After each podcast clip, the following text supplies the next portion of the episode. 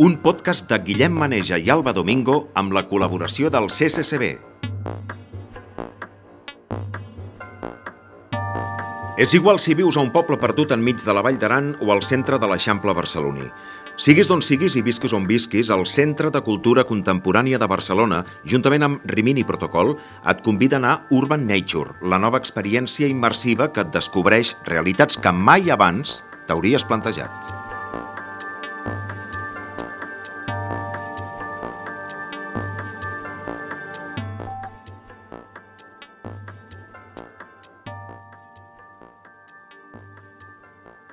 S'ha de legalitzar la marihuana? Jo diria que no. Sí, perquè crec que trauries a la llum molta economia submergida. Eh, depende de para qué. En caso de temas sanitarios y de salud, yo creo que sería valorable el hecho de poder legalizar marihuana para usos médicos y para usos ociosos. Eh, depende del momento y el sitio. Quan ha estat l'última vegada que has infringit una llei? Pues segurament anant en cotxe, igual passant-me de velocitat o alguna cosa així. Ah, o cobrant alguna petita cosa en negre. Eh, jo no tinc per costum infringir lleis. Bueno, tècnicament, avui perquè anava pel carrer fumant, caminant. L'última nit que no vas poder dormir, per què va ser? Calor, preocupacions, ansietat, estrès, una mica de tot. Mm, Porque la cabeza me daba vueltas pensando en los diferentes problemas que me suceden en mi día a día. Sempre és per temes de feina. Quantes persones neixen cada dia a la teva ciutat? Ni idea. Eh, 50, com a molt. És que jo diria que són masses, no? 25. Mil? 150. Ostres, ni idea. Mm, mil? Quant de temps al dia passes a l'espai públic? Depèn del dia, però un dia normal d'anar a treballar i tot... No sé, una hora, dues... Poques hores. No. Mm, Posa-li una mitjana de 3-4 hores. Saps quants litres d'aigua es consumeixen cada dia a la ciutat on vius? Molts... Molts, no ho sé. No tinc ni idea, eh? però diré... Um, un milió de litres? Quantes persones coneixes pel seu nom al teu barri o ciutat? 300, 400? Jo diria 70? Si la teva ciutat fos una selva, quin animal series? Un esquirol, perquè surto, però no molt tampoc. Un animal que... que passés de tot. pues jo crec que un camaleó, perquè m'adapto ràpid.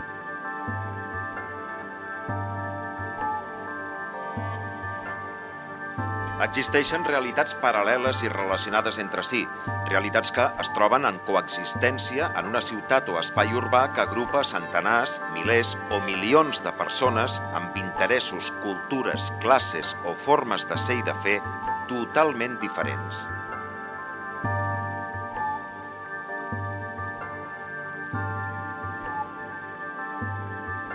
Totes aquestes respostes que acabeu de sentir ens demostren que mai acabem de conèixer les persones amb qui convivim. Aquesta és la premissa que posa en valor el Centre de Cultura Contemporània de Barcelona i Rimini Protocol a la nova exposició Urban Nature.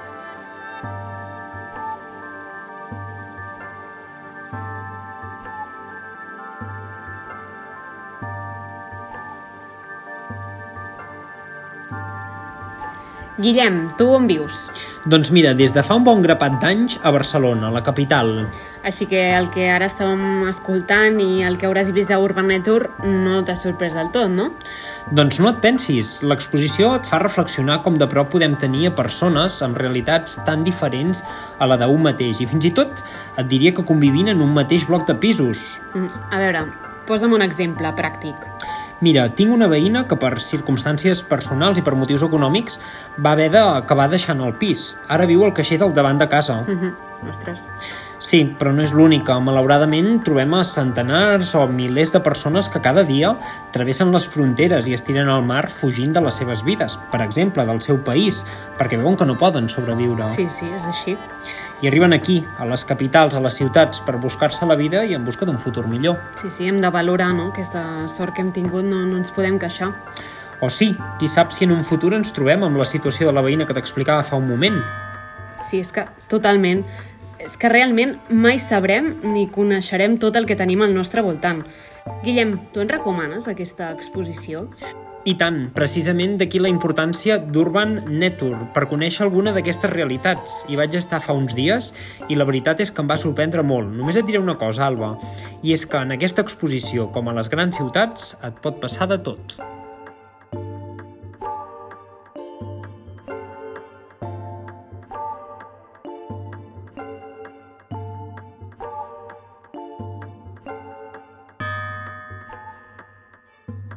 Parlem d'Urban Nature amb Jordi Costa, que des de l'any 2019 és el cap del Departament d'Exposicions del CCCB. Hola Jordi, aquesta exposició és una exposició immersiva, diferent a la que estem acostumats, oi? Sí, en realitat eh, no, no és ben bé una exposició, sinó que és una, una cruïlla entre els llenguatges de l'exposició i del teatre. És un projecte que desafia una mica la manera en què té el públic de moure's dintre d'un àmbit expositiu i també de comportar-se dintre, dintre d'un teatre. No? I a partir d'aquí, de la idea de ciutat, que com sabeu també és un de, dels eixos centrals de la programació del CCCB, doncs va sorgir Urban Network. El visitant que vingui al CCCB es trobarà que pot adoptar dos rols diferents, un més actiu i l'altre més passiu, no? Sí, en realitat tothom que entra eh, ha d'interactuar, o sigui, tothom que entra deixa de ser un visitant un cop eh, creua la, la frontera d'Urban Network, deixa de ser un visitant per convertir-se en un actor, no? en, un, en un participant. Eh, cada 8 minuts s'ha d'entrar un grup, perquè, perquè no sols, o sigui, l'experiència, a més, no només és en aquest grup, sinó que té a veure també en la interacció entre els grups que entren abans, entre els, amb els que entren després, també, no? I dintre d'aquest grup, que aquest grup pot ser de dues persones mínim i de deu persones màxim, no? Uh, una de les persones d'aquest grup ha de portar una tablet. L'espectador, o el visitant, hi trobarà unes històries narrades per set personatges ben diferents aquests personatges que s'interpreten a si mateixos i que són d'un espectre molt ampli, que van des de des d'una executiva de la banca d'inversions fins a una persona sense sostre, eh, són persones reals que s'interpreten a si mateixes però no estan a l'espai. Vull dir, aquestes persones han estat gravades, o sigui, hi ha molt material audiovisual i aquest material audiovisual s'activa de diferents maneres. La persona que porta la tablet es posen als peus d'aquests set personatges. O sigui, hi ha set escenes i en aquestes set escenes el que porta la tablet d'alguna manera de seguir unes indicacions molt senzilles, sobretot això és fonamental. Eh, però sí, una mica el, el fil conductor és l'economia, no? els diferents tipus d'economia que vivien, eh, que conviuen en una ciutat. Eh, hi ha una imatge que va ser que els va resultar inspirador a, a Rimini Protocol, que era veure com en, en les grans ciutats a vegades hi ha realitats completament contradictòries que viuen en una estreta proximitat. I a ells els va fascinar, per exemple, veure com una de les zones eh, residencials més exclusives de Rio de Janeiro, una de les platges més exclusives, estaven just al costat d'uns dels barris de, de faveles més desfavorits no? I, més, i més precaris. No? Diu, això realment es dona en totes les ciutats.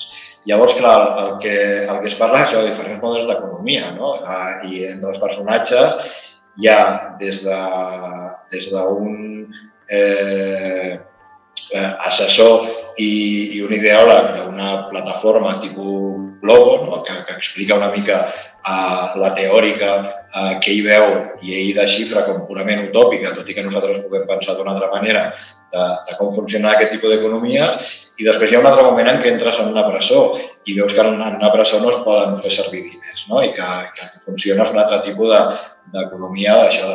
Uh, aquesta idea de que, de que realment hi ha moltes maneres de, de resistir, de sobreviure i de, i de mantindre una relació amb l'economia és una mica el tret central d'aquests set personatges. En Dominic Hoover és l'escenògraf de l'exposició, que són uns escenaris, per cert, que estan molt ben aconseguits i que ajuden doncs, el visitant a posar-se la pell de, de cada personatge, no? Sí, realment el, el Dominic Hoover, que, que ell de fet no és membre de Rimini, o sigui, Rimini Protocol són Stefan Kaegi, Helgar Hau i Daniel Wetzel, que són els tres, Uh, Dominic Huber és l'escenògraf, ha col·laborat moltes vegades amb ell, però en aquest cas quasi es podria considerar que és una, un cas de coautoria, perquè l'espai realment eh, és tot i ho defineix molt. El que hem fet d'alguna manera és com concentrar una ciutat o fer una síntesi de ciutat dintre d'un espai expositiu. Uh, les referències cinematogràfiques que tenia Dominic Cooper abans de, de dissenyar l'espai eren, per exemple, el Dogville de Lars von Trier, que recordeu que havia aquest espai com teatral molt abstracte, Urban Network no és tan abstracte, o també Playtime de Jacques que era una pel·lícula en la que es va reconstruir una ciutat ultramoderna en, en estudi. No? Uh, el públic passarà per una plaça pública, estarà en un alberg de persones sense sostre, estarà en un bar, en una cocteleria eh, molt, molt luxosa o exclusiva, en un despatx de banca, en un taller d'un centre penitenciari i en espais privats també, en cases d'alguns dels personatges. Considera, Jordi, que el visitant que viu a la ciutat i el que viu al poble reben l'exposició de la mateixa forma? Evidentment, el, el que passa que també tingueu en compte que la, la distinció entre ciutat i poble cada cop es difumina més. Eh? I aquesta idea abans de que... Jo crec que per, per mi la diferència fonamental no seria la idea que tenies abans d'un poble, que és en un poble tothom et coneix, no? O sigui, tothom coneix a l'altre pel nom. No? I això sí que és veritat que moltes de les coses que proposa Urban Network no es donarien en un poble entès d'aquesta manera, perquè molt del que explica Urban Network té a veure amb, jo què sé, la inquietud que et pot provocar veure una persona que t'està mirant una ciutat que no saps qui és eh, i després, bueno, aquesta persona, si la, si, si la veus en un altre context, si ja entens que, és un personatge que treballa en tal o qual cosa, ja se't treu tota connotació i tot. O sigui, la manera en què hi ha un dinamisme de la mirada de la ciutat, de cop algú que se t'apropa et pot fer por o, o et desperta simpatia o antipatia, això en un poble tradicional no es donava. Passa que és veritat que, la, que es difuminen les fronteres entre, entre ciutat i, i zona rural, cosa de la que també es parla urbana. Quin feedback teniu d'aquest format? Està agradant? Queda la porta oberta a tornar a treballar amb Rimini Protocol? Sí, tant de bo ha sigut, ha sigut una feina molt exigent, eh? o sigui, ha sigut una cosa que ens ha deixat una mica abotats a tots, però molt contents de veure que com finalment, perquè fins l'últim moment ells van estar creant, canviant detalls, varien coses, no? però quan veus que, que el mecanisme funciona i que la gent ho gaudeix i que les interaccions i les sincronitzacions funcionen, és un plaer.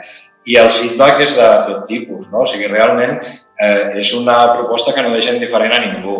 Eh, hi ha algú que s'haurà enfadat, no? hi ha algú que, que pot pensar, bueno, amb set persones no resumeix l'esperit d'una gran ciutat, evidentment. En una ciutat hi ha milions d'històries, no? I, i ells ho han sintetitzat en set però eh, el que sí és cert és que la narrativa aparentment senzilla fa que gairebé tothom que vingui es plantegi coses, no? I, i la gent surt a vegades amb, amb preguntes molt estimulants. I sobretot també aquesta, eh, aquesta possibilitat de joc dintre d'un espai expositiu és una cosa que, que el públic ho està disfrutant molt. No? És com... Eh, de fet, jo no sé, ho compararia, això és una, és una comparació igual una mica barata, igual una poc, poc apropiada, no? però crec que abans d'entrar a Urban Network sents una mica l'inquietud que pots sentir quan en un parc d'atraccions entres a una casa del terror, per així dir-ho, perquè que a dintre no passa res horrorós, ni hi ha cap perill, i realment et passen coses que, que t'interpel·len. No? I una darrera qüestió, en una frase, per què hem de visitar Urban Nature? Hem de visitar Urban Nature perquè realment eh, és un luxe tindre una producció pròpia i una estrena mundial d'un grup d'avantguarda com Rimini Protocol i també perquè poques vegades eh, en un espai expositiu eh, s'ha intentat qüestionar fins a fins d'una manera jo crec que tan, tan radical el que suposa estar dintre d'un museu o d'un centre cultural.